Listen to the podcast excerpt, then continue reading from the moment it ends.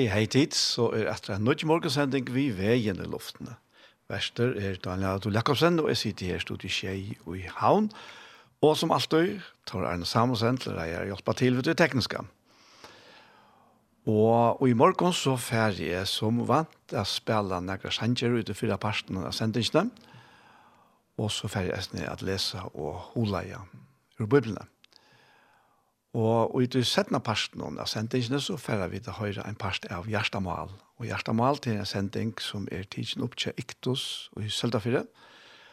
Og hesten parten er resten ved å se i Iktus Sjønvarp. Og nå er han så høyre her. Til det. Men uh, første sangren i morgen, til å være takkar sjanker og til sikkene i gæren og som sinja.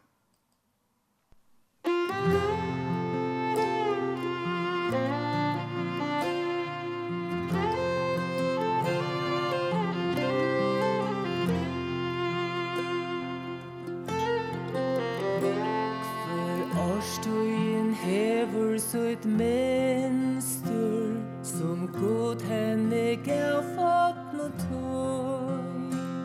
Ta gjøren var hangt oppa åndsje Og mynda vi fjallån og løy Så trofa som heldur ter ringras Som god sjavur sett i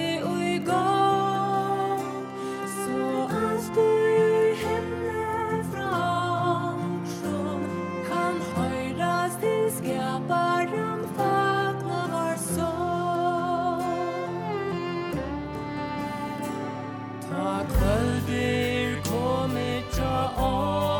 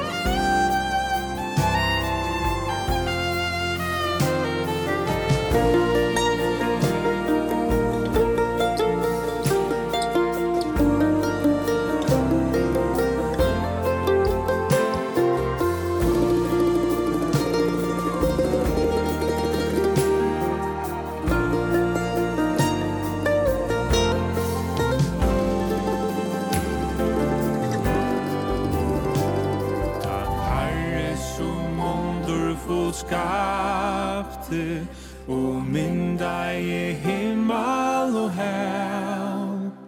Nøy omgang du i takna skal tøtjen Til skaparen som aldri svel. Så underfull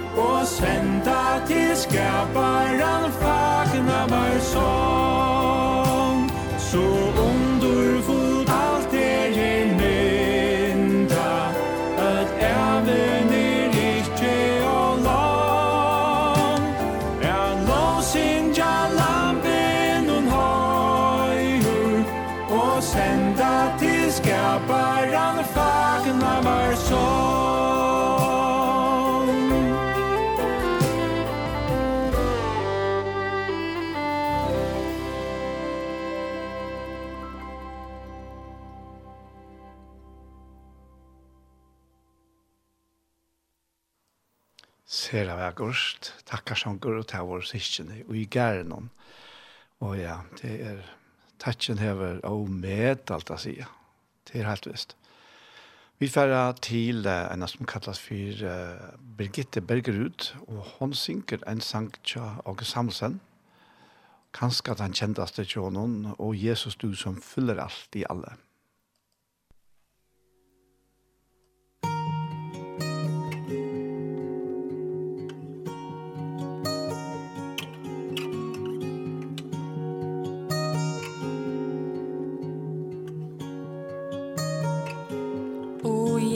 Jesus du som fyller allt i alle Som rik på miskunnhet og nåde Jeg lik Maria for din fot vil falle For intet hvile sted er skjønt. kjær Ditt skjønne navn jeg nevner. Ifra mitt hjertes dyp jeg priser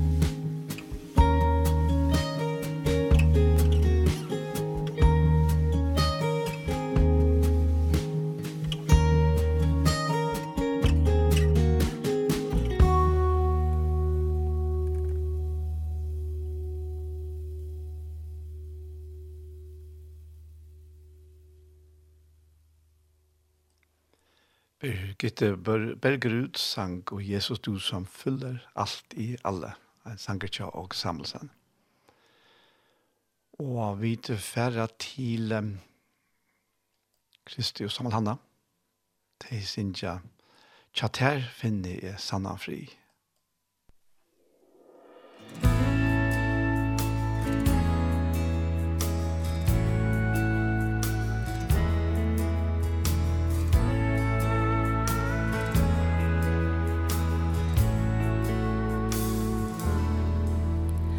Så framt att vid leva Så möta vid trångdom og få Men uiläten Jesus Vid styrstast och komma Och må Vid vår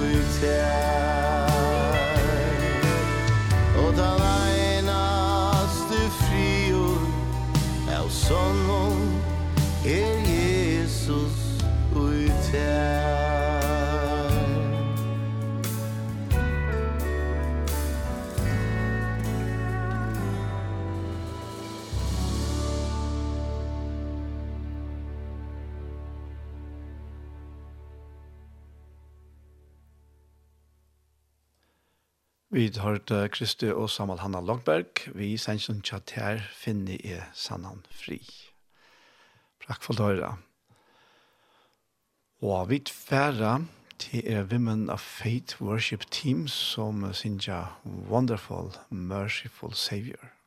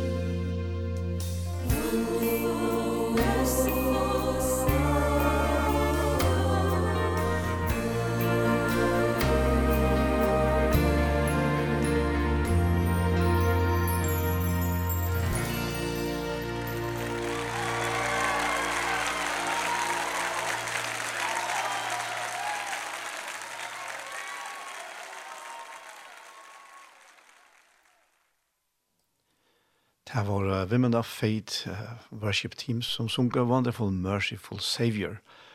Og der synes jeg nekko så les om etter her at underfulle, uh, miskunnsamme frelsere, dyra bær, enderløsere og viner, hver ei hoksa at et lamp kunne bjerga salon manna. Radjeve, trøstare, verje, ante okko lønges at fauna, tujeve vogn, ta vid vognlest er vilst. Tu er den ene som vi prysa. Tu er den ene som vi tilbya. Tu djever til grøying og nøye og gjørster alltid hungre etter. Allmåttige evige feir, trofaster elskande tøyne egne. Her og i okkara veiklega tu finner okkon, som vi fettla nyer fire tøyne trond. Ja, vi tverra høyra høyra for å høre en sangatræt er at man får lese Hulaia. Og til er Bethesda kår som synker sangen tja Adna Jakobsen og Torsli Mørskere i himmelen av Folton.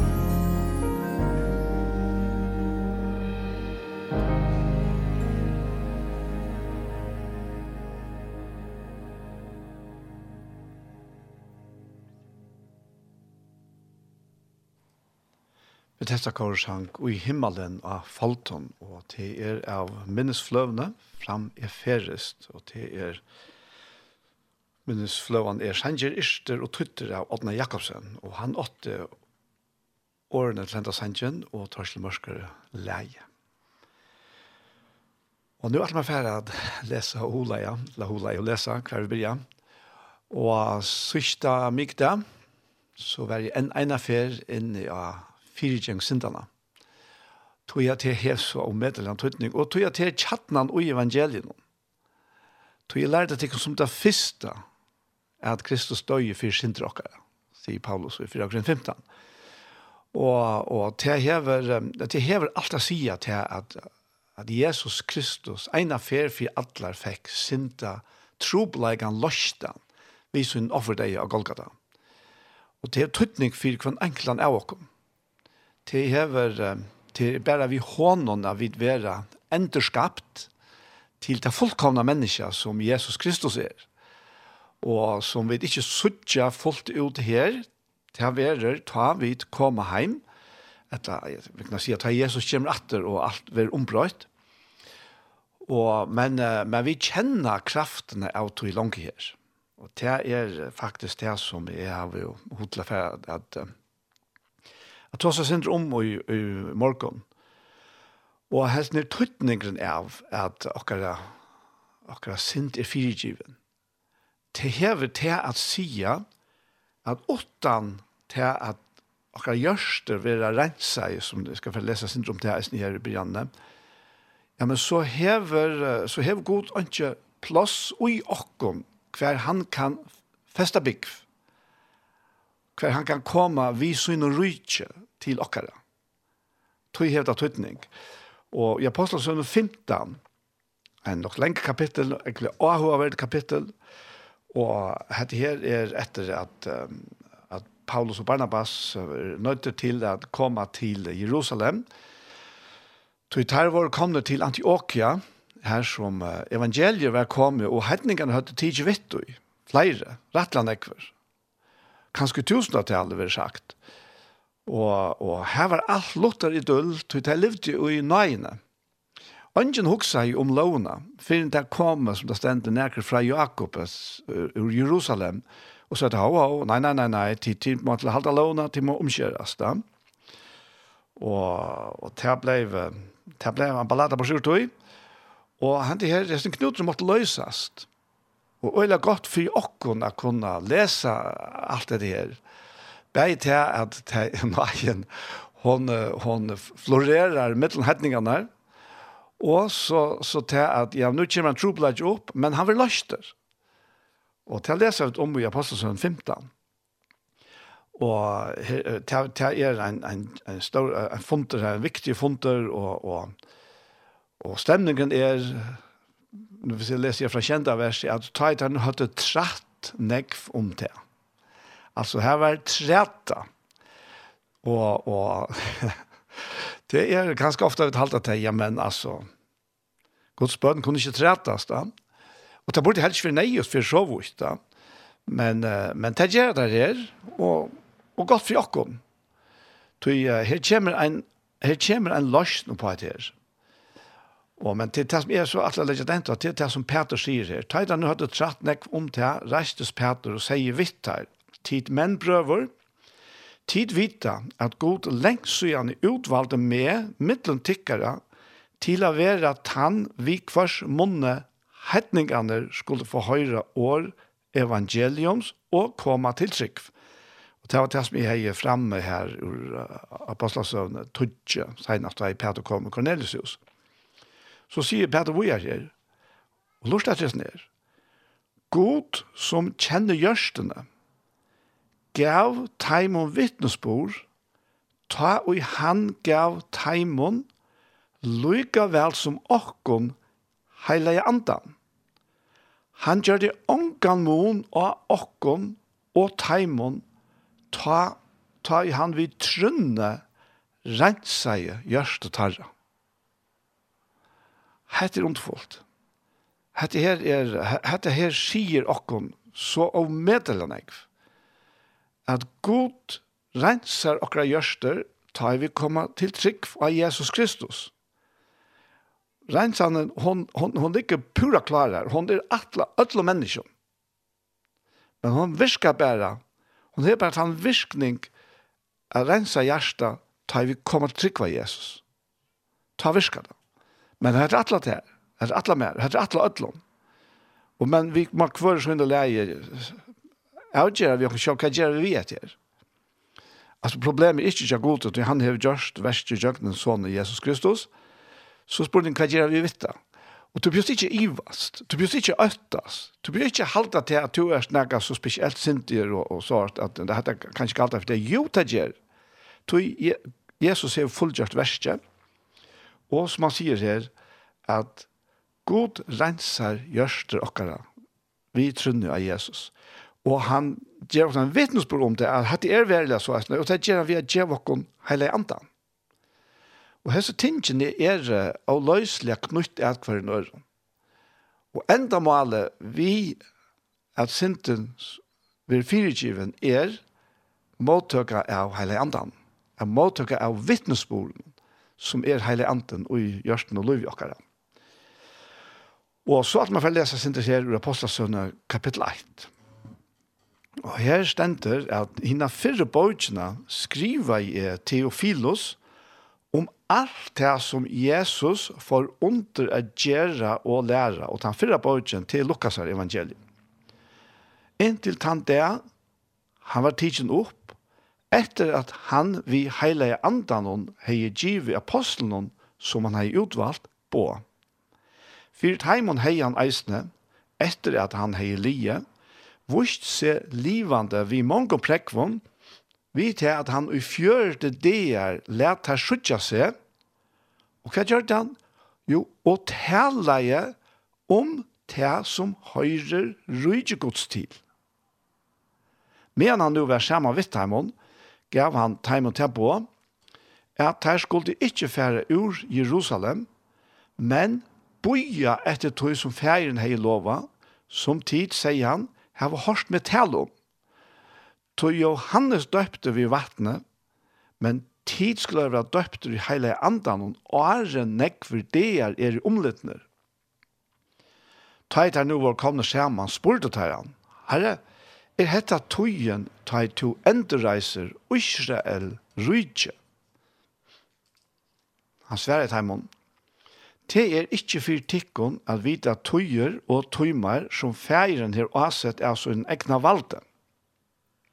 Og nu taler han faktisk inn i tøyene som vi lever i, i det. Og som mennesker har livet i til en kvarja tøy fram til deg i det. Alt det som hender rundt om okkom. Her sier Jesus at det er ikke for tikkene vite at tøyer og tøymer som ferien har avsett av sin egna valgte. Og det som vi så suttja, vi usreller det. Det er nekka tøy som, som han tåsar om her, og det er henta enn meira her.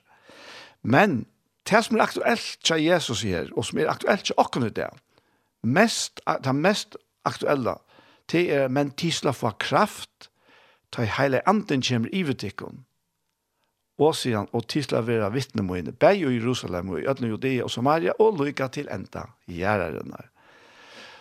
Og så hoksa jeg meg selv om at jeg og uh, Lukas sier det her, at han skriver etter fyrre bøkene, om alt det som Jesus får undre gjøre og lære. Og Jesus, det eneste Lukas nevner her, uh, det eneste han, han nevner her om, om uh, hva Jesus gjør og lærte, det var at uh, han siterer det, og taler om det som har rydgåstil. Så tenkte jeg, la meg lykke hitja sinter i jøgnen her, og i Lukas her, evangelien, om Om hva er det vi rydgjer noen, hva er det vi rydgjer gods. Hva skal vi ha? Og det er omedelig viktig for dere at vi får ta rødt og fætene av hva det er. Og i øyla står en parst av min og unga løyve, så gikk jeg og helt til at alt det som stod i Nudja testamentet om rydgjegods, ja, det verir ta, ta vi kommer til himmel, altså, og det verir jo fantastisk, og ta verir ta fullkomna. Men uh, så har jeg sett ni her så last, at det er ikke bare det. Vi må ikke ærmarske okken til å halte at det som Jesus taler om rydgjegods, at det er ta. Det er kanskje at han minste parten av det som Jesus taler. Altså, hvis du tenker frekvensen av det, altså, hvor ofte han taler om rydgjegods, så peker han faktisk alltid av her og nå. Og, og, og i fei var, så lærerne, lærersvennerne bia, være viljetøyen komme rydgjetøyt. Og så er det akkurat det her atter, et eller annet. Det er vi der stadvek her. Hva mener han vi? Og til får vi faktisk nok en sant svære på at vi er hitje etter hva og han sier om Rydgjegods og i Lukas evangelium. Og at vi så vidt eisen er det, nå har vi bare tid til her fram, og bare nøker at det er ting noen her. Og her i, og i uh, Lukas 4, uh, tan uh, kapitlen han han ber ju vi at uh, att djävulen frästa Jesus i ögonen och ta ut frästa ju Leo så kom han till Heimbik sina Kapernaum och här läser han upp och och tävla först eller för omtra över tas som han det mesta kraften och i man talar men så blev det så rävligt av ta han så talar vi är vitte ja. Og og att han stöd om man av men han han gongur bara mitt i jöknen men så kommer han til Kapernaum. Og her hendte det, som vi leser fra vers 4, men ta i solen gikk under, kom ødel som hadde sjuk folk, vi alkjen sjukken til hans herre Vittheimon, og han leie hendene av kvart eittarra og krøtte deg. Etler antar for eisne ut ur mongon, og tei røpte, tu erst sånne gods, men han høtte at heimon, og let der ikke slippe at du tar visste at han var Kristus.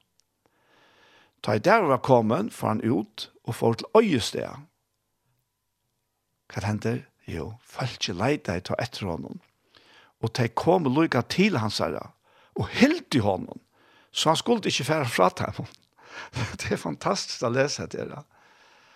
Ah, det er jo en helt, helt, helt, helt, helt annet menneske, helt annet personer, enn det som de var vann vi av sånne religiøse leieren som alle tøyene hadde nødt krøv til deg, nødt på, og jeg har jo sånne, sånne mistanke, sånne inntrykk av at de kjørte alt for å holde seg lengt bort fra dem. Så det orsker ikke at det her evige kravet fra dem. Men nå kommer Jesus her, og han kommer i verileggen ved en helt øren rydtje, ved en helt øren herredømme, inn i gerandstegen til mennesken her. Og de elsker han. De elsker det som kommer fra honom. Og tog hender det her at uh, de kommer og, og halte honom, så han skulle ikke være fra dem. Men hva sier han? Jo, men han sier vet du, Eis nu hinum bøyenon må jeg kun gjøre evangeliet om rydgjegods, tog det er jeg sender til. Han prædikar nu i synagogen i Galilea. At det var i Lukas 4. Og i Lukas 6 er her leser vi om Jeg leser om til er at han har at Jesus hever uh, ved inni tja så imen fersere hver vi hinn sinta fotla kvinnan kommer inn som så fer at vita til at sikten er frelste fer i frie og, og sintren er fyrtjunare at det här. Och så fer han att ta om Johannes döparen. Och att det vant det så ju allt det men bara lucka tagga till som han säger om Johannes döparen och om Rydje Guds. Han säger jeg sier til kon större profeter än Johannes är ikke mittlen tarra och i føtter är av kvinna. Men hin minste og i rujtje gods er større enn han. Og dette er et, et fantastisk år etter. Så Jesus han stedfest til at uh, større profeter enn Johannes er ikke militære, og i føtter er jeg kvinne. Men han minste, og til jeg, til to, men han minste i rydgjegods er større enn han. Og hette versgods eisene, hette det som han har avgjørst. Og, og, og Johannes var på en måte en målsetning til Jesus, men allikevel ikke. Tog at uh, Johannes måtte, han måtte trekke fram omboende den gamle sottmalen, som han sørste her. Og den største, sier Jesus, av Øtlån, er Johannes, som omboer den gamle sottmalen. Og her da Lukas målsetningen kommer, tog Jesus han omboer den nødja sottmalen. Men her var ungen, ungen, altså, ungen, ungen paradoks ut i allugavel, altså. Her var ungen motsetninger ut i, ja. Så det skulle være så løsende. Det er bare til han nå er dette her, den gamle, uh, den gamle sottmannen alt det, til i steg, ta Jesus, hev fullgjørt verst av Golgata. Og det er til han kom til. Så, ja, vi tar Jesus året på det, at han minst av oss er større enn hans døybar. Og vi leser her i, i Lukas 8, at etter hetta ferest han omgjørende bøyer og bygder, og prædikaje og kunngjørte evangeliet om rydgjegods, og henne tall vi, vi honom, som leis nekra kvinner, og i grøttar våre fra ytlån, anton og sjukon så nevner han några kvinner her, av teimene. Og legg meg til, det henger sammen til vi rydde gods, og til at mennesker vil ha løst og vil ha grønt. Så er det sett fram og ikke lukkas. Og han tåsar her om, om løndarmalet, i Lukas 8, 17 i Lukas 8, og, og, og her han tåsar om samanen, og tar spurt lærer han sa han, hva hetta luktene seg heia tuja. Han sier, tikkun er give at kjenna løndamål Guds rujtjes, men hino veri ta give og i luktnelsen fyrir at hei suttjande eion anki skulle suttja, og vi høyrande øyron anki fæta. Og her i Lukas kapittel 9, stendur at han kallar nu saman hinar tølv, og gav han mått og vald iver ötlun hinn ytli anton og til a grua sjukur og han sendte der ut at prætika rydgjegods og grua sjuk. Og så, så leser vi det her i vers 20, samme kapittel, at apostlan kom så atter og søtte henne fra ødlån, og det her høyde gjørst. Ta tog han til visser og for borster, så det var ensamadler til boi som eit Bethsaida. Men Ta i falske fikk til å vite, for det at han nå noen. Og han tog imot dem. Og hva det skjer? Jo, og han taler vidt deg om rydgjegods, og grøtte deg som tar vei helsebåt. Og, og i Lukas 2, kapittel 18 av Lukas uh, 2, nå er det ikke bare der tall, nå tek han halvfjers som han sender ut. Og han sier, vet du, og her til kom inn i boi, og til tar imot dekken, skulle de eta til som de seta fire dekken, grøy henne sjuk, og her er og sier, vet du, rydtje gods er kommet til konær. Men her til kom inn i boi, og til tar ikke mot dekken, skulle de fære ut av gøtene og sier, om det så er duste som hanger oppe i foten okkara, ur boi tikkara, så torskar vi tikkun til av tog. Det skulle de vite at rydgjegods er kommet her. Så Jesus leier faktisk altså, slett ikke opp til at nu skulle det færre diskutere vi sier som ikke vil takke måter. Nei, det er bare faktisk kvetta samband med deg, og likevel vel oppmuntra deg vi å si at det er vite til at rydgjegods er kommet her. Og her kommer så Lukas 11. Og jeg får lese at han stender her, noen verser.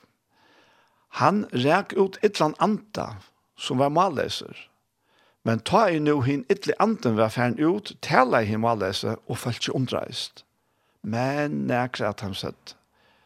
Vi Belzebul høytinga hinna ytla, ytlo anda reker han ut hinna ytlo andanar. Ærer frashta han og kravt han etter tekni av himle. Men vi til at han visste hva der hoksa og sier han vittar. Kvørst rujtje som kommer i strøy ved seg selv, lekst i øye, og hus fettler av hus. Er nå eisne satan kom i strøy ved seg selv, kvosse ver ta rujtje hansara standande, tid sier jo at er rejtje ut hina ytl antar vi Belzebub. Rejtje er nu ut hina ytl antar vi Belzebub, vi kvarjon reka ta siner tikkara tar ut, tusla tar vera domarar tikkara. Så han tåsar faktiskt nu om tvei rujtjer. Han sier att, att endast vittar. Men rejtje är ut hinar ytli antar vi fingregods. Så er jo rujtje gods komme til tikkara. Her sier han da. Og er klart og tydelig. Og han ærste så sier han bare ment fram at det er ikke ut i en ytterlig vi heile andan så er jo rydde gods kom til tikkere, eller vi andre gods.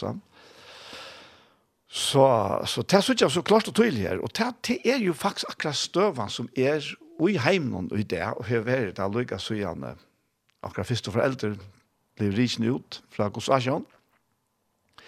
Og til det at det er tve rydder, og, og fra tog det faktisk til det, fra tog det jeg tar i okkara første foreldre sindav og egentlig gode djevelen og valgte i heimen altså han slapp at innenfor sutt rydtje inn i heimen vi synne valgte men fra ta og lykke inn til så Jesus er det jo bare valgt myskelsen så å si undan tætje var jo usresfolk og, og alle de fire skibene og, og tabernakle, og tempelet og helgedommen alt det her det var undantaget. Men annars, så la alt under myskelsens valde, djevelsens valde, inntil Jesus kommer. Og nu vi honom kommer et kraftfullt rydtje som sikrar av myskelsens valde og myskelsens rydtje. Og TV tøtning for begge til og med, og i det, tog hvert herredømme ræver i okra løyve, Og jeg husker ikke om hva er det vi akkurat gjør, og så løsne, men hva er det vi er? Trykker vi av Jesus Kristus, så er vi sett inn i hans rydtje. Til lærer kolossebrevet og noen, Men de elsker rydtje, sånn er hans herre. Og, og, og til er den her veldige konflikten i midtelen, mysker og ljøs, men ljøs er sikra. Midtelen deia og lov, lov er sikra. Og to er avgjera for en herra vi vilja være under. Og ta i vid kom alt trikva Jesus Kristus, så er ikke bare frelser okra, men så blir han eisne herre i okra løyve. Og det er jo det største av allsignelse som finnes. Det er at han er herre i okra løyve. Det er ut fra hans herradømme, ganger han til kraften som, som, som, som jeg stendte fullkomlig måter som langt har sikra av tog enda. Og, og, og hva signar okken her vi? Tror du det er sånn? Tror du det er sånn? Jeg les, jeg les bare hos årfyr der nå, i verleggen. Ja, man kan si jeg talt ikke det, men jeg gjør det ut fra tog som året kjalt sier okken. Og nekvasten tenker noen her, vi er slett tidsen fram Men de fleste sammenhengene, tog verre. Tog hette jeg til okken ødel, til, til alt lukka mykje, hver kyrkje samkom vi høyra til, så er hette her året grunderleg under du som vi trykva, og trykven er det, det som sikrar heimen og alt det andre. Og hon er okkara. Hon er eisne given okken. Vi kan ikke råse okken av nøkron som helst, men vi kan prysa og takka honom för för allt det. Och och la meg så tacka att det vi är her, at att vi kapitel 16 att tar Jesus av farseren var spurt när for för komme, komma Sverige til hemon Rutgos kommer inte att han hatt at han sast vi egenon heldur ikke være sagt hikk her er det eller hikk her er det tøy Rutgos er innan utikon og, og i Hadjan lesa vidt at jeg bor eisen henne små og bøttene til hans her, for han skulle nema vitt deg, men ta lærer seg han så ut, høtt tar et av Men Jesus kallar til tilsyn og sier, Læt henne små og bøttene komme til moen, og forut han ikke, tog rydde Guds høyre slukon til. Sannelig jeg sier til henne, han som ikke teker imot rydde Guds ens og bøttene, skal alls ikke komme inn og ut her. Og, og, og i uh, kapitel 9, her, uh, Her leser vi om, om, om Zacchaeus og det, ja, men og han sier, sier om at han er frelse kom ned til hus, men så sier han til at medan teg lort av etter hesson, lei han eisen lukten seg til at vi til at han var nær vid Jerusalem, og teg hoksa at rydgjegods for å komme til kjønter ta vi ta samme. Så vi sier ikke er her, at tei hava liv og is vantene, vantene, Og tar så Jesus kommer, og han tåsar om rydtje. Han tåsar så nekk om rydtje, at det råkner vi, og nå kommer det, nå får jeg sutja det. Men det ble, altså, ikke beinlig skjønle, men merkbarst, ta i rydtje gods kom av kvitsånne, ta i kraften fra de hua kom, og forløste menneskene. Og det siste jeg skal lese her, det er ur fyrre Korint, nå får jeg lukke ut her, Og her er Paulus som, som sier at nå er det nækre varene opplåsner upplåster ut her i hoksan at er man ikke vil komme til tikkere. Men jeg kommer ikke til tikkere om Herren vil. Og hva sier han? Og ta skal jeg få å kjenne, ikke år, men kraft tarra som upplåster er Rydde gods er jo ikke år, men kraft. Og Her er nok snakk av, av, av sånn her, vi rydder gods, og her er så ofhertelig nekk meira, altså at lese Nudja Sensament eller Nudja Sottmalan. Og her er det inn, her er det inn. Og jeg kjenner ikke tunna støv i det. Jeg vet ikke hva du er, om to uh, erst, ikke, ikke tidsis av støvna, men, men to, to uh, det er bildes nekk innan ut der, og to lønnes etter nøkron det gjør, hatt det noe som vi alle mennesker gjør. Spurning er bare når vi blir værvitt Men hette er svære, hette er som jeg har lyset for deg nå. Jesus Kristus er svære. Han hever bøtt for syndene. Han hever, og, eller han renser vi trunne, til at du tror han renser han. Til et innaste, til et hjerte. Og her tenker han bygg vi heilig andan, som er rydgjegods. Og her utfra gonger han det her underfulla kraften. Og ofta det tas om kraft, så er det, vi hoksa kanskje rabalter og alt det her. Men uh, den mest kraftfulla kraften i evangelium er friren som Jesus fyller ut hjärsta vi. Ta du kjenner og mestrer det her. At synden er borster. Og at hele anden vittner. Han, han, han, at det er det så oforklarlige som vi har så ringt vi har sett året, men som er så verlet. Og, og som henter tar vi komme til slik var Jesus. Takk mot honom. Og han gjerst herre okkara, og ut fra tog herredømene ganger han til kraften. Og, og i hesson herredømene er ein streimer av sikningen av nøye og kærlega og grøying og og sikning av omstøvn. Det ligger ui i sånne streimen der. Og jeg vet at han taler til det. Så to to to eier etter. To to eier etter. Hette giv i alle mennesker. Så lyd best av Jesus Kristus. Kattle å han. Se tøyne åra. Om det er ut fra engest, råpe å han. Eller om det er ut fra en sannføring. Yes, ja, Jesus er trygg her. Han er nå ryker til alt de som kallar av ham. God valgsikten det. Amen. Og vi tfæra at uh, høyre, Ja, jeg hadde for takka Åke Samson Kjolvan her først. Jeg har en sang til hon, en, en at jeg av men her synger han Kjolvor. Og til sangren Jesus forløste min sjel. Musikk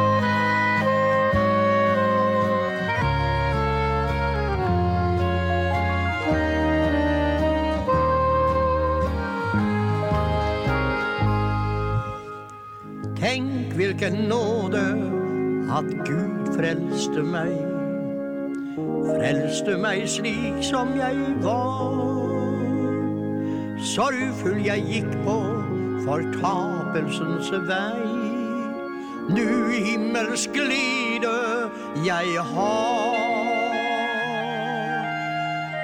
Jesus förlöste min själ Jesus forløste min skyld Såret for tvile kom jeg til ham Og han forløste min skyld Mange fordømmer meg slik som jeg er Men hjerte ånder av fred bryter mitt kinn ofte her. Vet jeg at Jesus er min. Jesus forløste min skinn. Jesus forløste min skinn. Store for kom jeg til ham. Og han forløste min sky. Himlen er målet for det som jeg tror. Der er min frelser og venn. Snart er jeg hjemme, farvel arme jord. Aldri du ser meg igjen.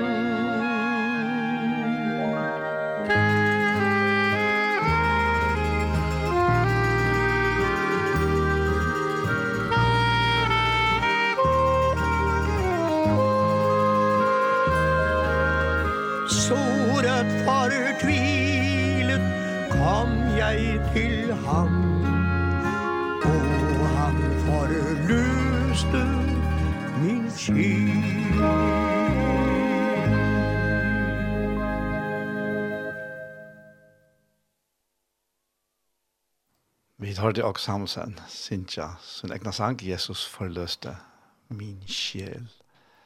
Og jeg husker om uh, ting som kanskje har vært lurt etter årene om morgenen, og som uh, har var akkurat omstøver, etla en langsel etter Jesus. Og det kan jeg være tjuka. Uh, Tossa vi han, by til han, sier Han, han, han høyrer det. Og, og hatt er mittel til og han. Jeg gjev det bare året, og, og, men, men to, to er i møllegen, utfrestene kommer årene. Og så kanskje eisende om det er um, en tjun, et lapær, som, som uh, har en tørv, og, og, og kanskje an, annar, eller annar av, av som pæren er sjuk eller sjukker, blir sammen til hans herre Og jeg kunne huske om en, en hending for nok snakk fra arrangerne, det var ta i Linden, var rett og slett Og så bønna løtene vår begynte å bli daglig parster av nærmest av samfunnet her. Så det var snakk lurt til ett år. Og så var ett per her i havn. Han hei finnje skia i foten og fekk ikkje gintje i flere år. Og, og, og så et kveld, det hei lurt etter lintene bønnaløte. Og vi kom an til hei nok forklare dem, eller sagt oppmuntra folk til bare å bia sjølve og kanskje legge hånden av det sjuka eller kvart, og så forvantning ikke bia til Jesus. Og det er gjørst det.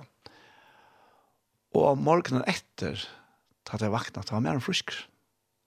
Og vi så jo han, det er så bare i Fernheim til herren nå, men vi så jo han etter her i Havnargøten. Hei, han har alltid haft et kvikkelig gongelig. Og så var han vekker og bojer med, men nå kom han etter. Hvor? Jo, tog henne her samme kraften. Jeg grøtte han. Så set ut alle av Jesus. Set ut alle av han. Han kommer vi oss ned fri noen. Og ser vissheten om at han er tjattar, han er vittar. Og han grøyer til. Han er han som grøyer atler sjukermunner, sier han i salm 100, tror Ja. Atler tøyner, som han sier her. Og det tenker vi så til dere neisene. Ja vi færa til endans og isne fyrra parten av sendingen vi veien, så færa vi til høyra Audrey Assad, Sinja, It is well with my soul.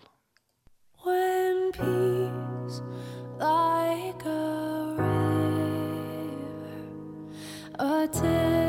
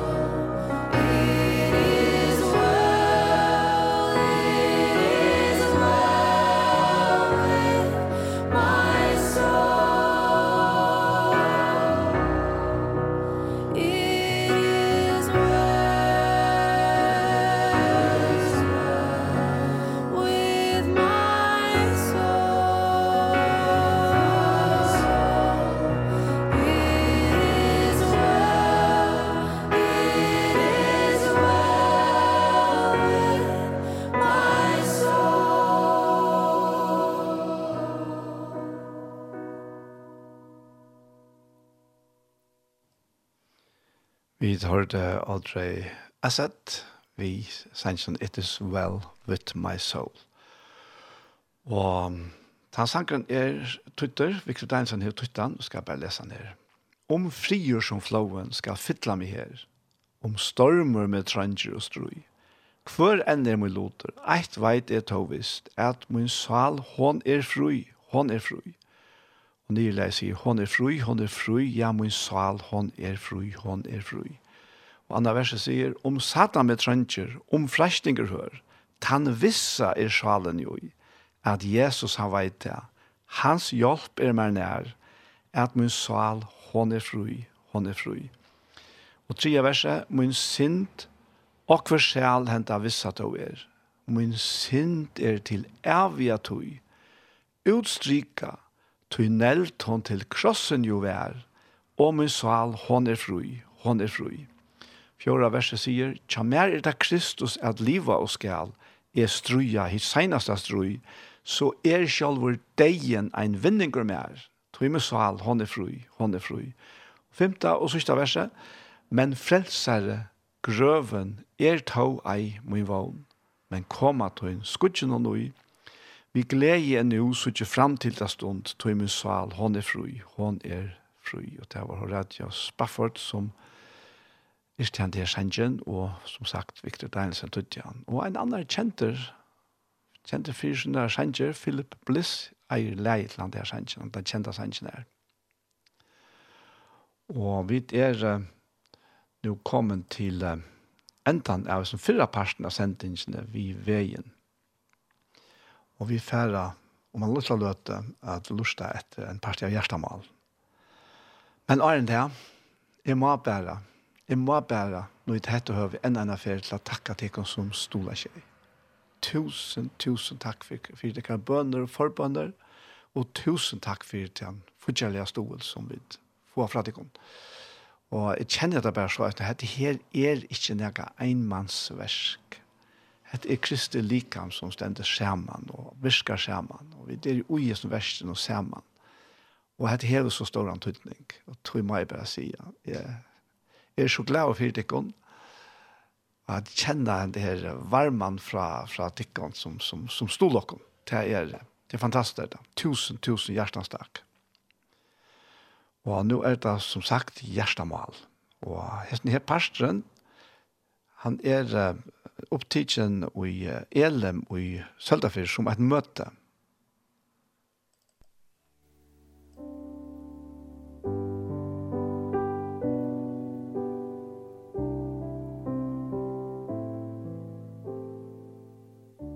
Ja, hei, hei dit, så er vi etter her, og i Ele med Søltafire, vi er noen parste av hjertemål.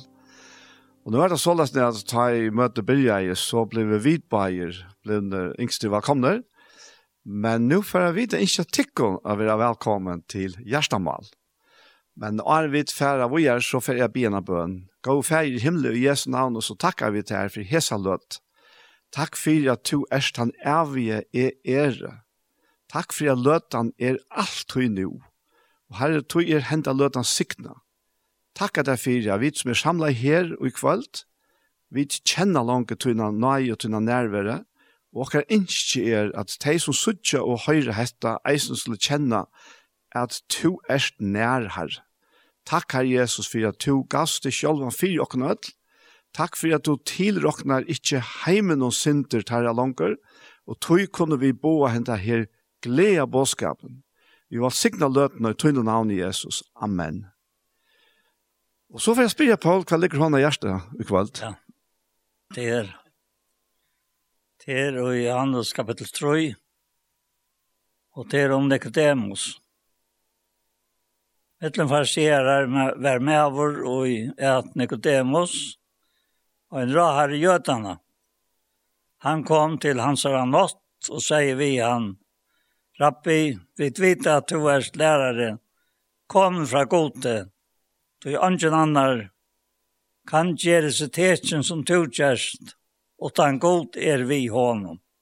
Jesus sværa i honom, Sannlega, sannlega sier her, Vi er ikke fatter han lutsjon, kan han ikke suttja rujtje gods.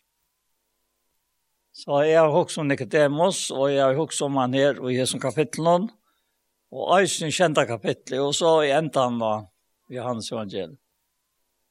Ja. Så hun er dem som var spennende for alt. Ja, han er rett, rettelig spennende, tror jeg at eh, jeg var til breibraten i Kotla for i morgen, og ta halvkom, halvkom etlo. Det vil livet flere ideer for meg, hette var Nicodemus, og, og hvordan han kom til Jesu natt, til å si at at uh, anker grunn til å være fyrt i han fjordland så han natt.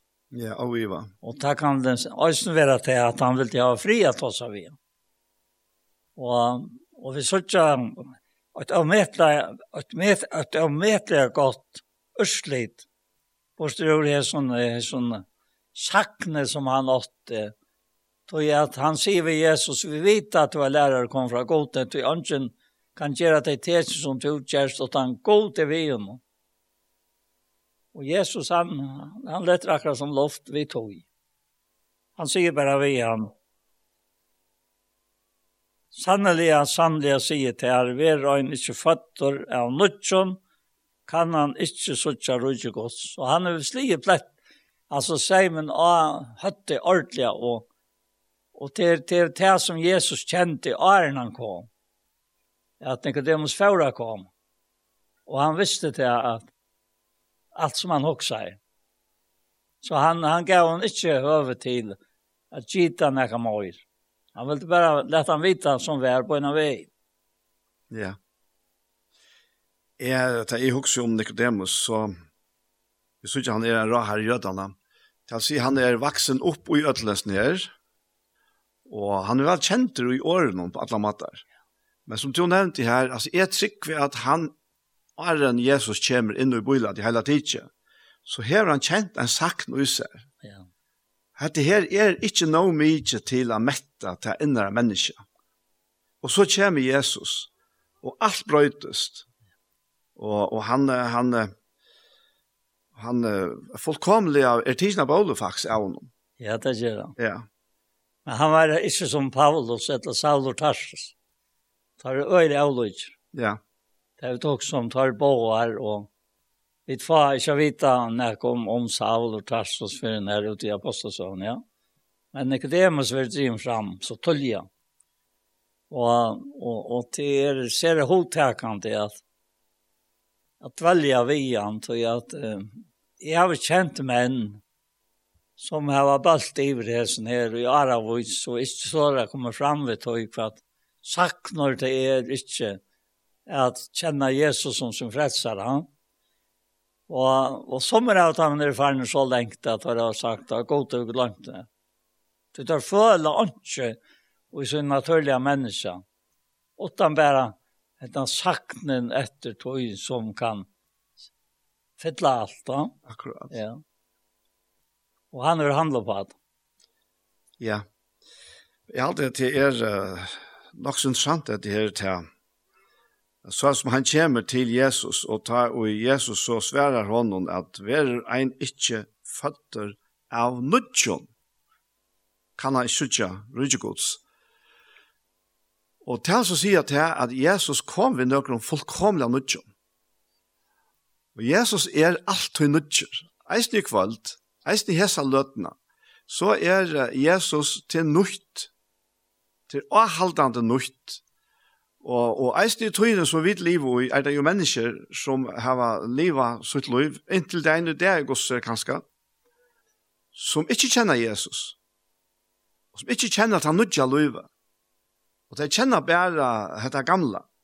Og jeg kom med tankar om en mann som er tog seg andalt vi for rettelig nekvun og arrangøren jo mer enn 40 år siden. Jeg var blæ unker, og han var uh, nekka vel eldre enn det. Og jeg var tås av igjen om andalet. Og han sier på en av en sånn, ja, men han var ikke han til typen. Han var ikke innrett av så løsning at han kunne være omvendt. og, og jeg visste ikke ordentlig hva som svære. Jeg minns ikke en gang jeg fikk svære når jeg selv på et her tatt. Men, uh, men det er ikke så løye allikevel til som han sier. Tøy at uh, vi kunne ikke som mennesker av oss selv. Det er ikke som vi har å komme vi. Etla å røyne bedre fram til Herren og lukka som et eller annet som vi kunne bjåa hygge ja. Og, og, tøy, tøy, og han var bare ærlig. Han sier, jeg kjenner jo en stil etter. Sjalt han kanskje eisen var vaksen opp vi det visste ikke to, han var vaksen mer opp vi, vi, vid eisen åren enn hva jeg visste to. Men han har lukket tidsen av frastøve. Men til helt visst, han kjente ikke etter her nudja, som Jesus stod seg om. Først av nudjon, eit nytt liv. Og det er viktig. Ja, det, det er det som omrøver. Det er det som omrøver, og eisen som kvinnan er, vi sikker, i brunnen, sier vi Jesus, sa. Er det så grøypante, for hon fer bant til sætsina. Og spyr han om dette er livande vatten. Ja. Det var han ikke øys opp vi og så framveis, sa. Men, men så kjente til han som taler vi til, sier Jesus igjen. Så hei tog be han, og han er givet her livande vatten. Altså han, altså Jesus og evangelien, han fer bant til hjørsta menneske. Og bant til sætsna. Og bant til sætsna. Og ikke innpatt. Og så det er så damlet, altså, at kjenne han, og det er så damlet at vilja løyja stålen, tog jeg at, hva skulle vi ikke det? Det er det vi leser her til dem, så i 4 Grunnbra 2, så sørger vi hvordan det kolliderer etter her, som Jesus nevner her i vers 11, og hva hvert menneske veit, hvert menneske noen vår, utan ante menneskans som veit og gjør. Og så tekker han uh, parallellen her, så løs veit helter ånden hva det går til vår, utan ante gods. Og hese bare tingene kallet dere av, det her, de Nicodemus var pur ærlig i for hånd. Beina veien, så fikk han vita hva det var han manglet. Og i sånn og løyve, ja. Og til så avmetallig at øyre barst. Ja. Altså, jeg trykker faktisk til at uh, mennesker hever helt fra byrjan av manglet. Ja. Altså, eisne åren akkurat første foreldre fotlig og i sint, da det var åløyen og åte av, jeg kallar for deians treie. Åren til hadde de ikke kjent løyve fra løsens dreie, det kunne det ikke, det hadde ikke etter av løsens dreie. Og, og Guds atlan var ta vi menneskene, at mennesker skulle eta, eta seg løyv til, vi hadde etter av løsens dreie. Og her vi løyva som god. Men uh, vi kjenner søvna, at de åte at du skreiva trennen, og, og slopp så ikke at eta av løsens dreie. Så när jag var kom i mitten här, alltså det var det var ingen utgång till Sverige, kvui, jo till synden var kommen i mitten. Mm. Och hon måste bötas. Och är en utgång till vär till Lussestre. Och uh, Bibeln fortäller oss att Jesus är okkara Lussestre. Och han han tossar alltså näck om att är nu är det i hans tro så först i Johannes 6 så så tossar han om sig själv att han må ätast Det er jo en synd man kaper seg først når man hokser om det, så han sier det. Og det har vært øyelig ekvistlet for det gjøtene. Men Jesus visste til at ikke menneske i seg selv, eller av seg selv, hever dette avgjør Guds liv i seg. Og tog må vi få oss av nødgjøn. Vi, vi må ete av løsens treie. Jeg har vært høysen her og i og i fyrre grunn fra tvei stendet jeg. Jeg vi hava, men vi hava ikke finnes anta heimsins, men antan og jeg er fra gode. Fyre jeg vi skulle vite hva åkken er givet av gode. Og hatt er, er det løndermalet som Glossbrev taler om, som er Kristus og åkken løndorderen. Og det er så stått fra at vi vet ikke hva det til vi hava det.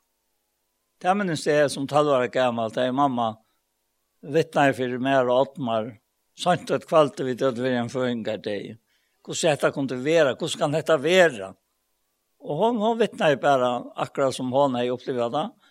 Og hon sier til at det hjelpte seg her, at takka for det. Og som, som er takka i for det, så åpnes det for meg. Selv om jeg ikke visste ikke akkurat hva det var, og, og hvordan det for det helse, men det er ondfullt dette her, at det er ikke det vi skal ha kontroll av, men det er det han skal ha kontroll av oss.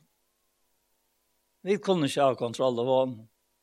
Og, og det er det som menneskene helter, at det er vi søgnen, tanken og, og, og, og som kan ha kontroll av godhet, taknas godhet, men da han får kontroll av det her, ja, så kan du være talvar, og du kan være akkamal, Det er anka så rundt som det nu.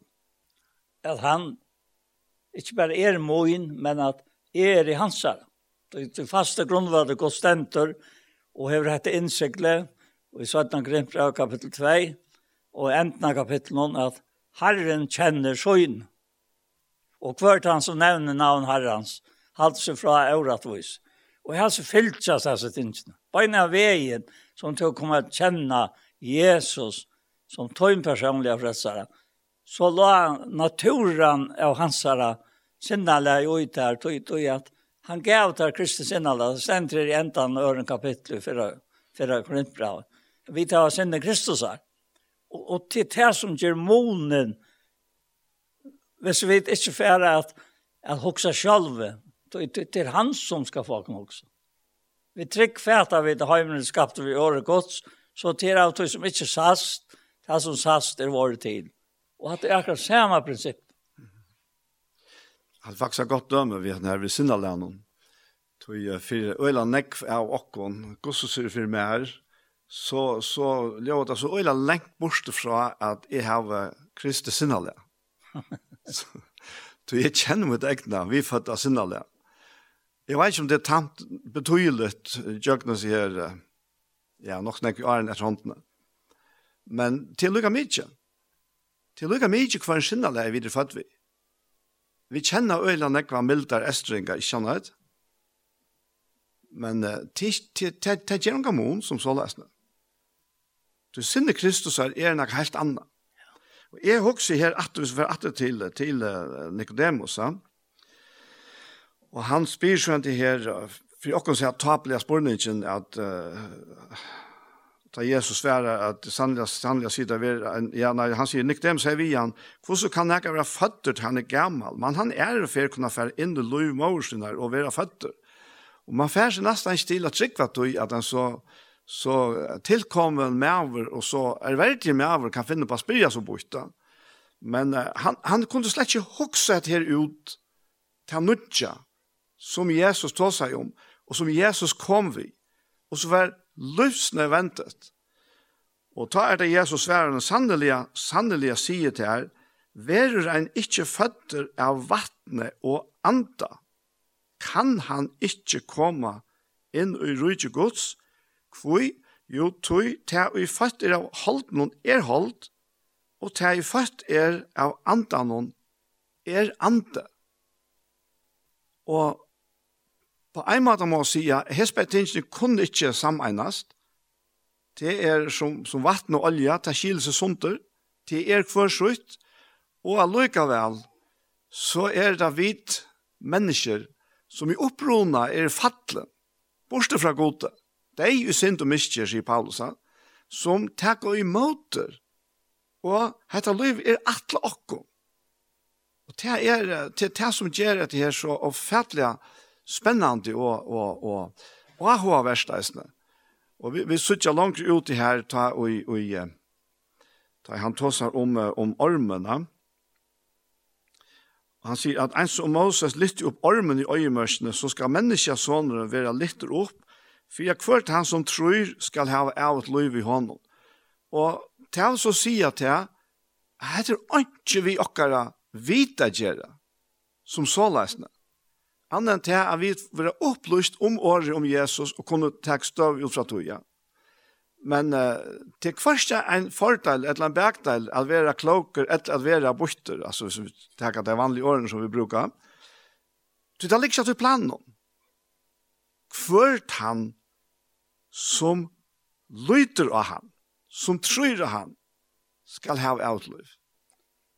Så det er fantastisk. Her tar jo han nevner i åttende verset at Jesus sier vi han vinteren blæser her han vil. Og du høyre sove, men du varst ikke hver han kommer og hver han fer. Så er vi øynene kvarjon og vi fatter her av andan. Hvordan kunne vi fæta det her? Det er bryst til. Då sier ikke det måste atter vi han. Hvordan kan dette være? Jesus sverre i honom. Passa vel til det som du har sagt. Du er lærer i Osrels og Vorstekjetta. Sannelig, sannelig sier det her. Vi taler det som vi vita, og vi vittnar det som vi har sett, og tid takker ikke møte vittnesbord i okkara. Sikva tid tar ikke ta i tale vi tykker om det og vi høyrer gjørende til. Hvordan skulle tid ta trykva om vi tale vi tykker om, om et himmelska? Og ta er anken færen opp til himmels, åttan han som er kommet stige nir av himmelen, menneskesåneren som er i himmelen. Og så nevner han hatt som du nevnte om Moses og armen. Ta det bare hukt av armen, så var det frusk. Ja. Og det minnes det godt. Da er hukt av Jesus. Hekk, hekk, hekk og liv. Det er lov og jeg sutt sin krossfesta mann. Nå er ståndene lov for det til. Ikke er det at hun bøn, hun er hun tar. Det er blåve som rønsa det kan. Det er ikke han som det blåve.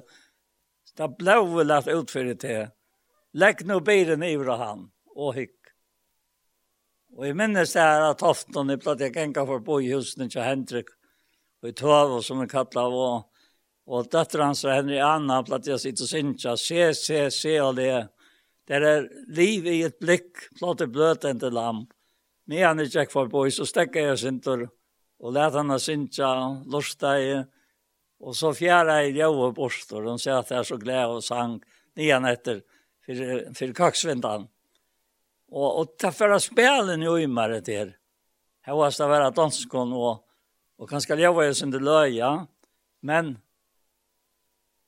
det rakk inn og hjertet. Det er bare så løs. Ja. Yeah. Og toften var øyla nekve, til nekve tryggvande intermisjonerer. Og, og te, te var og kiv, nøyra herran.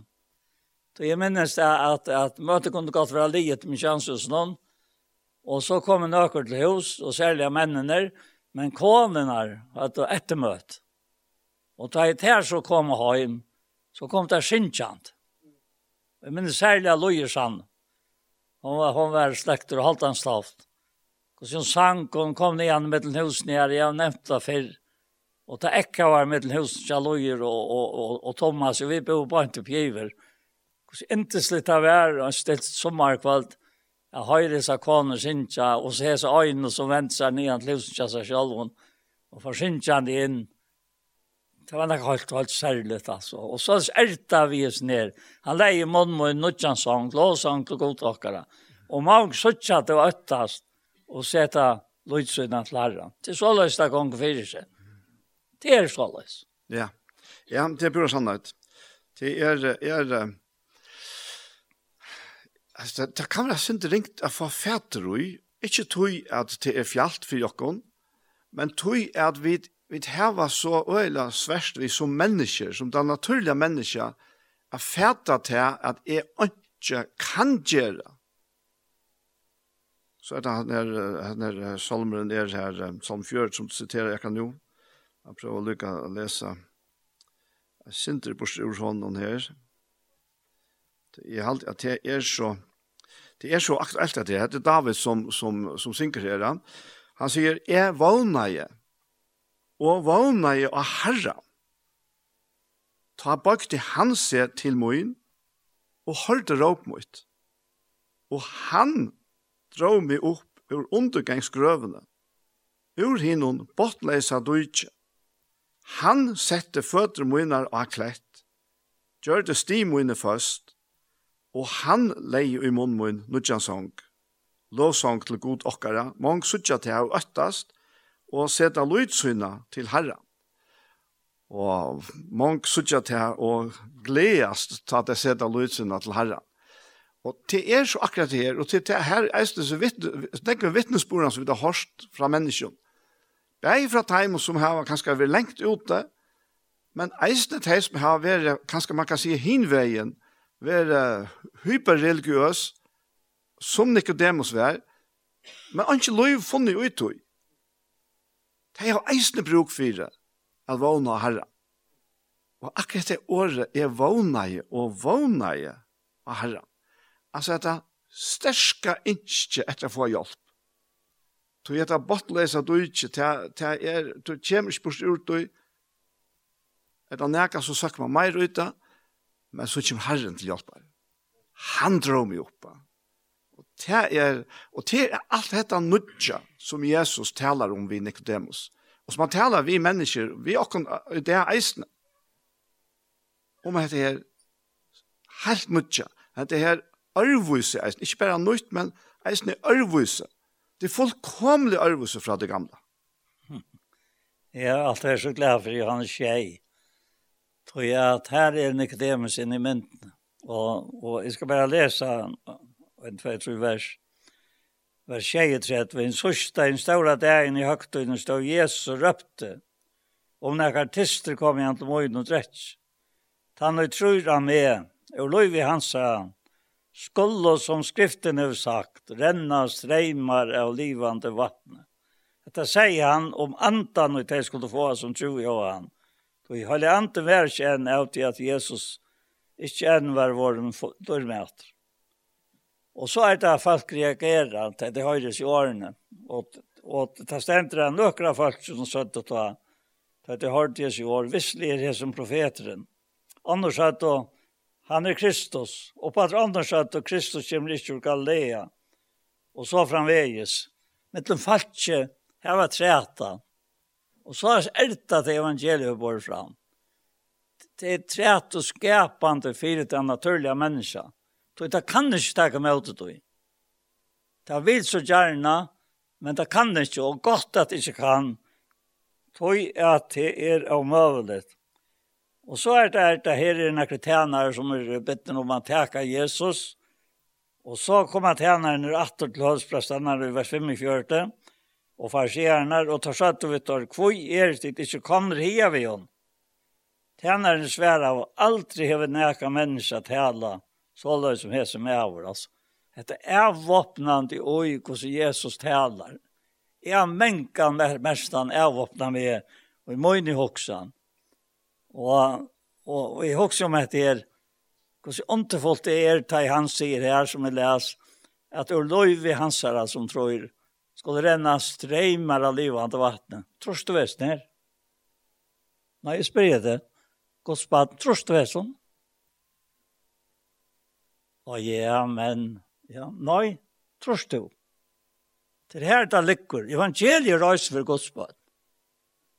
Og, og hvis du ikke råkner vi, tar du tror du han, at ur ter streima hese veldige, veldige gode tankar, som færa at tala til menneskene, og i tjøknum tøtt loiv.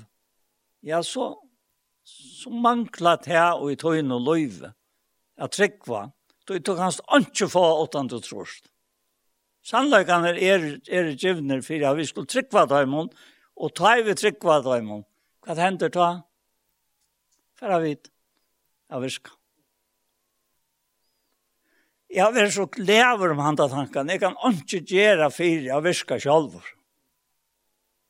Det er bare at han drivkraften som er øymer vi har antan som kan få av meg å virka det er stortliga vi har som er, og det gaua, at ta er i åndsju i meg sjálf. Ta er Kristus herre i min løyv. Og, og det vil jeg, det er vil jeg nå gjøre Nicodemus, det vil nå lese om han her. Og, og tænaren sværa, sværa var aldri over noen menneska tale så som er som er vår. Ta sværa i farsierne i tøymon, er òsen tid vittløyter, Hever nekar av da herren og av han, etla nekar av farsiaren hon. Nu hender nek. Nikodemus som vær øyn torra, han som øyna for avur hei veri tja hon og seg vi tøyr, lev okkara dømer ta ankan utan han fyster hortor, og finnst det å vita hva han har gjørst.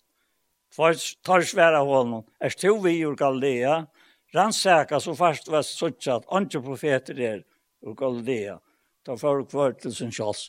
Og her ligger en seg til etter saie og spyrar og i hoan og tja, tja Nikodemus. Og hva er det underfullt at tilegna seg? At tåret standa fram, ta i ei av disse kjemur. Og vera til sikning i løyvene og det ble jo han. Ja, jeg hadde vi sutt ut fra Hesun, og eisen og seitene, at uh, hadde her natten sammen med Jesus, hun gjør månen, kjenner ikke demus. Atla månen. Ja, ja, det gjør det jo. Men jeg, jeg husker, jeg, at man halter sin fast ved etter her, nutja. Tøye, vi er så vann ved det gamle, og vi er så vann ved eisene, at røyna at presentera evangeliet ut fra en gamla tankagångt.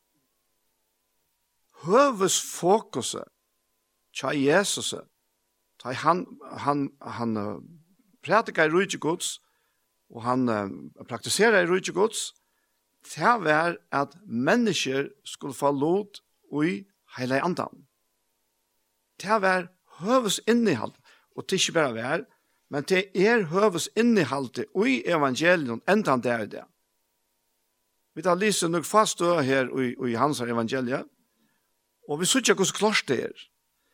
Og jeg tar, bare takka, takka fæt og etter her som, som etter, Paul Birja vi her, hins sykja den ståra det er en høgtun stå Jesus røpte, om nek artiste kom i han til moin og drekje. Han ui tror av meg, Ur løyvi hansara skulle som skriften hev sagt, renna streymar av livande vattnet. Altså han byrja vi a bjaua tog som tister. Og tar vi er tist og har bruk for å drekka, så er det nekka som vi teka utanfra. Og Jesus kommer eisen til okken utanfra. Men ta ui han er kommet inn. Ta er han vi heile andan han fløvande kjelta som livande streymar alltså renner det ut fra okkon. Vi som starta vi av artist, vi er uh, livgjevande streymar. Og det er evangeliet. Og, og han sier eisne, han sier det bare fram. Hetta sier han om andan, og i teg skulle få som tror jeg han, Tui heile anden vær ikkje enn, av tui at Jesus vær ikkje enn våren, du er. Altså, høves fokuset tja Jesus vi evangelien var at mennesker skulle få heile anda. Og han får vid ta vi komme til Jesus uttrykk og i alle han. Men det er høvet, det er i tjøkkenen heile andan og i okkon at vi hava samfella og samband vi fægeren i himmelen. Og hette er en, en livande, livande verilegg. Sannliga. Eh, nu får jag ut i det sista som jag också om näkt det måste att täcka på sjur. Trotsa personer i hus om här och i Johannes Nujjan. Och här är här är det Johannes som skriver och från vers 4 Men en av her mannen stack han och i sjöna. Vi spjåte och vi tar samman rann ut blå och vatten. Han är ju sett här har vittnat det. Och vittnesbord hans er sannor. Han veit att han sier satt. För att øysene tid skulle tryggva. Då i hette hente för at skriften skulle gänga ut. Antje bøyn i honom skal være bråte. Och på att skriften Anna, de skulle vänta egen og mot i honom som de har stundtjutjökt. Hva stender at han her? Det är om det är spännande att läsa. Ta det här till lycka som ser sjövena färra fram. Hvordan det hände. Efter detta ber Josef ur Arimathea som var lärsvän i Jessar tog. Löjnid lia av ötta för götnum Pilatus om löjvi att häka lika med Jessar. Och Pilatus gav hon löjvi till det Han kom ta och tog ner lika mjösar. Og så hendte detta. Øysene Nicodemus kom. Han som første fer var kom till Jesu nått. Han är i vissa blantinga murra och alo, och en hundra pund. Tar tog oss och lika mjösar och svajpa av det lugnkläge vi hinnom enkant i orsten så la som sigur vi er seg noen vi gjerra fer. Og så er her av stenen Årstakærer, og i Årstakæren Nordskrøv, som en ånden er vært lagt og røy, og her lagt og tar nå Jesus av tog, at det var tilrøringar der over gjøtene, tog grøven var nær vi. Hvor skipa er fyrir snær? Alt er det nekka menneska skipa fyrir snær. Det gjør det jo røres. Det er atlan og grøven med det godleisom, men ikke er noen var han i dagen. Og, og, og hette her, her sørger vi hette samanspillet og det antallige verene som vi ødler jo, vi vet er ikke hos jørska folk, vi vet er hos antallige folk. Og her sørst vi inn i andre verene. Her som god reaver. Han kjipa i fyr. Johannes skriver, og han har sagt alt det til, han har sett det, hvordan det hendte, og skriften har gitt her lunta det i hundra år åren. Og så kom at høyre inn i vinterna som god taler til ta. Og tar teka like lika nye. Dette er så vekkert. Dette er helt lagt opp til fra æven løykene av, som jo alle rakots er. är god er tann som skipar alt. Och det, det är så tryggt av er i hans hand. Det är så tryggt att tjäna honom.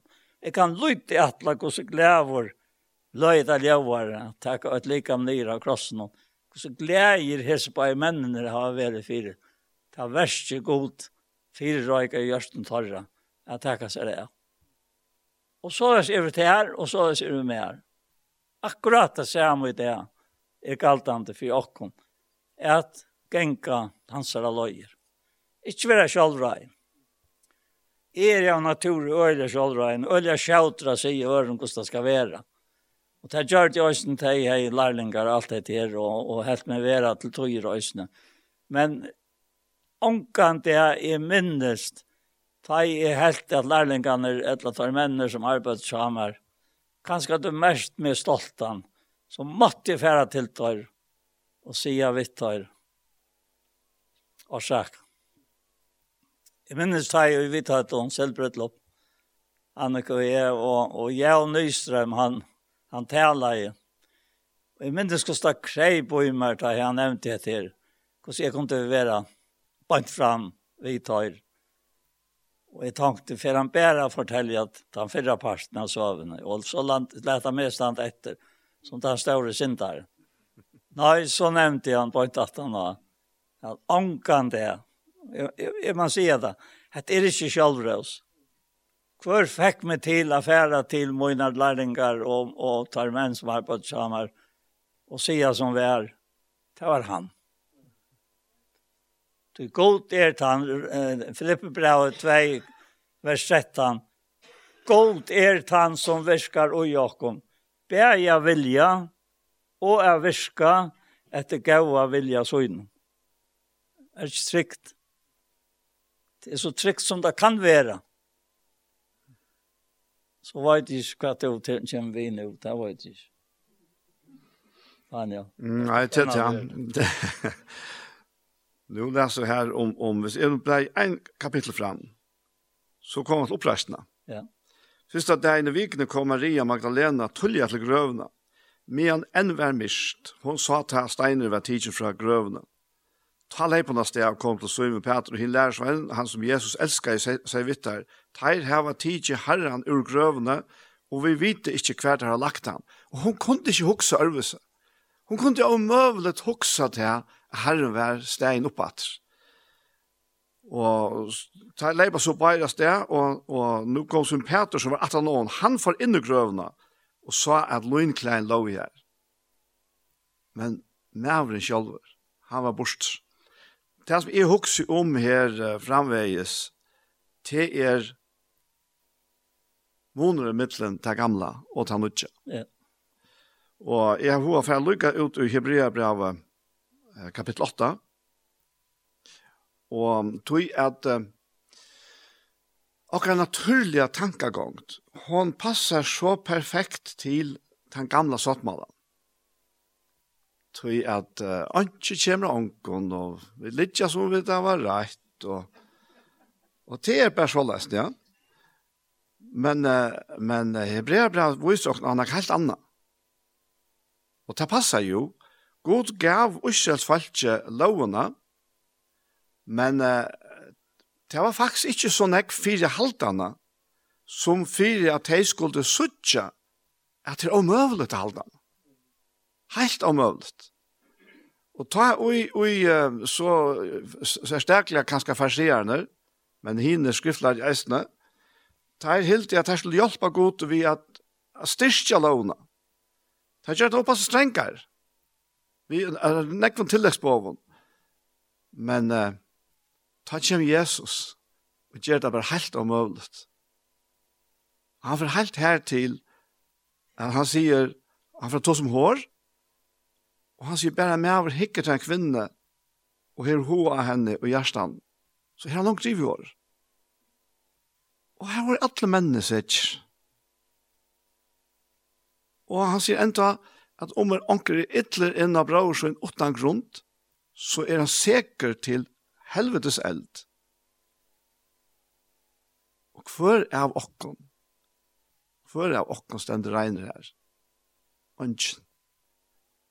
Så det som tar hilde at tar klarer av, det klarer det ikke. Og då kommer Hebrea brev inn her, og i bøylet og sier om Jesus, at han har finnet så mye bedre tjeneste, som det er bedre sottmålet. Han er middelmøver fire, ein og i grunntaur er av bedre lyfto.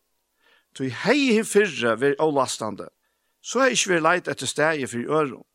Det er jo lastande år han talar til tæra, ta han sier, det er koma sier Herren.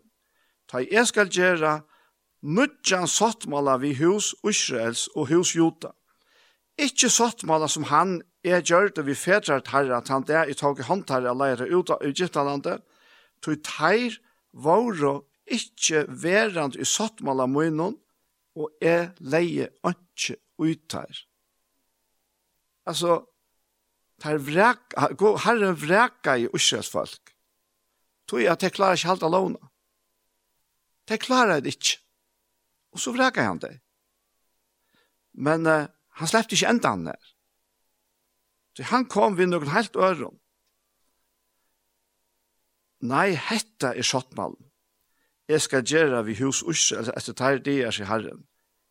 Jeg skal ledja lover munar og i sinne tarra, jeg skal skriva til her og gjørst og tarra, og jeg skal være god tarra, og de skulle være folk mot. Og han får så lengt som å si at de skal ikke lære hver nasta søgn og hver bror søgn og si kjenn herra. Så de skal alle kjenne meg. Fra hin og minsta mittlen tarra til hin størsta, og hør nå, tog jeg skal være årettvise tarra nøyver og ikkje langer minnast sinter tarra. Hette heva det som hendte. Ta og hermene kom til, til krossen, og Jesus hekk her.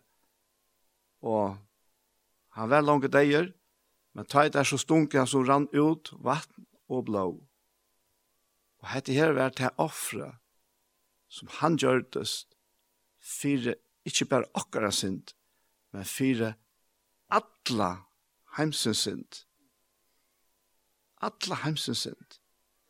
Så jeg veit ikke om nekkar her inne, eller anker som hikker og lustar etter okkom, strøyes vi hent her spurningen, at kjenne seg sjolvan og vite hvordan, hvordan feiland man er, og hoksa til at det er ønsken vann for meg. Jeg kan ut fra hesen årene fortelle at det er langt nå, Lange nu hever Herren tidsi sin tøyna borster. Hon er, hon, hon er tidsi borster. Han sier det bare her, men han sier det så øyla tøylig eisne i, i Sætne Korint. Her som han sier at, at ja, la meg lukka, jeg, jeg do så ytla som Paul, han do så ommetelig vel å sitere. Jeg kan lukka, lukka lese hese her fav versen her, det er så, det er så lovgjevande. Han sier her at, at om du ein er i Kristus, er han nødvendig skapninger. Og hva sier han så? Hitt gamla er færre, det er våre nødt. Og alt er det fra gode, som vi Kristus er samt i okkom, vi seg sjølvan, og gav okkom tjenaste sattarene. Tu i Kristus er samt i god, heimen viser sjálvan. Altså heimeren, mennesk, mennesken i heimen er langt fra Guds søye samt vi han. Så i Kristus er samt god heimen viser sjálvan, og til roknar teimen ikkje synder tarra. Og han er lagt nir i okkon, og sottarinnar Vi er ta sente på i sted Kristus som det hever god i anmente vi okkon. Vi bia i sted Kristus her. Vere satt vi god. Han som kjente ikkje synd, gjørte han til synd fyri okkon, fyra vid ui honom skulle vera rattvise gods. Det er så veltet. Det er, altså, ønsken er sett fyri. Alt er så hjertelig velkommen til god. Gjera skosbad, bliva hansara og kjenna at han verilig bor inni i hjertan vi sin heilig anda. Til en øyelig måneder at skulle strujast og streva sjálfur etla sjálf og røyna at oppnå det som er omøvlet. Så vi får enda så løtna nå, jeg får be Paul, man kommer nekka litt til at du har også at det er ganske. Det løyka til et land lantan her, og for fyrra pass fra troi. Ja. Og til vers 18, det er hjelp mer av metlig enn jeg. Men det kom en dag inn til Samal Toftnes, i Larvik, og han maler akkurat en av mynd av Jesus, han stod i vattnet, og lærersvennene og til at han har risen opp, og, og, og tar visst ikke at han ikke har risen opp. Så Peter sier vi tar her i hans øyne og jeg får ut av fiska og alt det. Han er åtta for, jeg lærer så en. Og, og så kom han til Alanti, og nå stendte Jesus her. At, at tog med alle ruinen, Jeg vet, Samuel sier til at det var ikke man holdig, sier han. Jeg sier, vilt, vil du djeva oss så jeg maler nå og djeva mer da? Og han gav meg da. Vitt at det kvøy. den er ånka føtter. Han stendte jo av strontene, men han stendte ikke nyr av strontene. Han viser seg fyrt av, av strontene. Og han er just måltid til og alt. Han kan alt. Og jeg sitter mengan det er en hitja til seg her, som alle røyden om og hokse om han. Og nå skal jeg lese ett vers i fyrre pass fra jag att han. Kristus tar ju vajsne for för försinter. Rattvois och för orättvois. For at han kunne løye og kunne gå ut. Och så kommer det till. Han løy deg igjen i holdt noen, men var gjørt og livande og i andan. Og som jag säger förr och Jesus sentingen eller jeg sier, så møter noen, at vi er og ikke gods jörka folk. Vi er fremmant og utlendingar, tog vi er gos antallige folk. Og, og, og det tjekk nok så ytla som er at, at tilegna meg hetta at jeg var hansare og i antan. Du ante, altså, du først tidsi en anta. Men det er gaua vitt.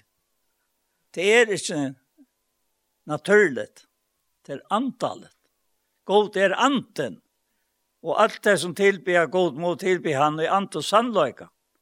Men, sier han her i enden av Søtland Grøntra og Troi, alle vet som vi omkom for i anledning om, er speklat dårlig gods, vi tver ombrøtt til så moment, fra dårlig til dårlig som fra herren og i anten.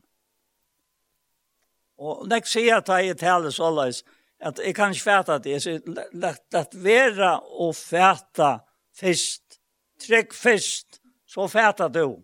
Trygg gode, og det blir en verløse. Og hver at det godt.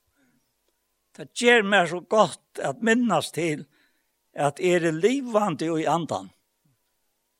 Og det var det og Jesus, han ble livvande kjørt i andan. Men så vurste han seg for lærersveien. Han var innom stångt av dyr. Han ikke var av møvde for noen.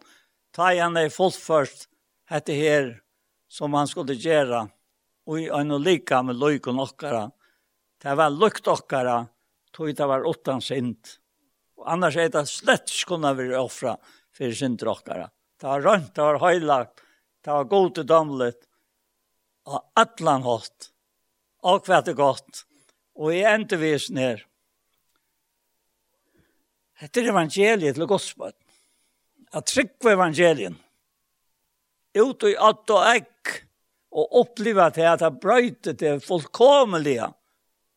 Du tog over linte til å ærmarska til til forstandet sier hau hau, fjernes for lengt. Det er ikke som pinsamennir. Et lakk så var det. Pinsafølt, ja. Det er for lengt. Men uh, det, det er nok en, en 16 år siden her, siden da jeg fikk med å komme lintene først, og i nekvar. Og jeg må bare si at jeg, at vi hjalp meg ommetallig an jeg nettopp etter her. Jeg stand anleit landet vi folk, og i kjennvart noen, etla, og, og, som det tar vær, og i utvart noen. Og, og ikke skammas vi at vera Guds antallige mævor. For det er okra natur. Mm. Vi tar ikke den menneskelige naturen til at tjene gode vi, men Guds natur. Mm Kristi sinnal. Og herren til kom kære tid som er her i kvalt, og alt inne, og Jesu navne. Amen. Gå Jesus, takk for det. Etta kvalt, takk for Jesu. Smøyland i anledning. Takk for Jesu. Underfotlån. Sjøen av her, som vi da finnes, og som ångat for å komast. Men her er ikke for en vidt være rikt borstrian og vera gjort her loik for jeg vet at sånn at det folner. Etla vi flyter lika om noen og er heimann kjæra noen. Og herre, herre, vi bare takka til her. Frysa til her for at dette kom til være så. Og signa til oss og alt okkara folk. Det er som rå og styra. Og herre, gjevt av døymon vursdom fra til her. Vi har jo ankan vursdom og jeg kan men at øttast herren er vursdom vår. Og Han skulle dittla til vi, han sier jobb i 28-28, vi takkar til her, i Jesu navn, Amen. Amen. Og så er hesen her, parsten av Gjerstamal, kommet at enda, og vi får at takka tikko som har vært til stier her og i kvöld av møten noen, her som hesen her, parsten er opptidgen, og vi som har, nå har vi bare sittet her, men vi har veldig team at han fyrir okkon, Anja og Ronny, de er virkelig overfor å ta opp og redigere og klippe ljø og sitte sammen etter og sånt. Så vi får takke for dere. Og parster av hjertemål som har vært før, der er jeg suttet av YouTube, om du leter av, av Iktus Sjønvarsp og hjertemål, så finner du der parster som har vært. Her som parster for eisen å komme her, av Iktus, av, ja, av Iktus Sjønvarsp på YouTube, og hesne parter med eisner sender av tjei kristelig kringvarp. Så tusen takk for hesfer.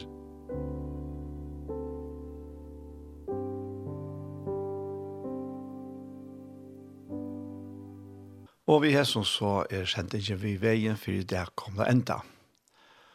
Og vi har ute i fyra parten så har vi spalt tonleik, og så har vi Estne, Lise og Holeit ut fra Postlasøn og fra Lukasse og om Rydgjegods og om hele Andan.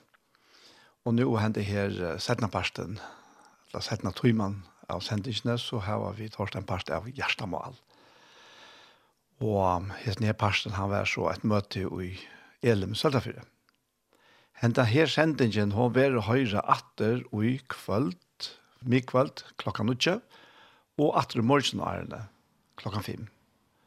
Så etter det beste sier, tusen takk for Jesper.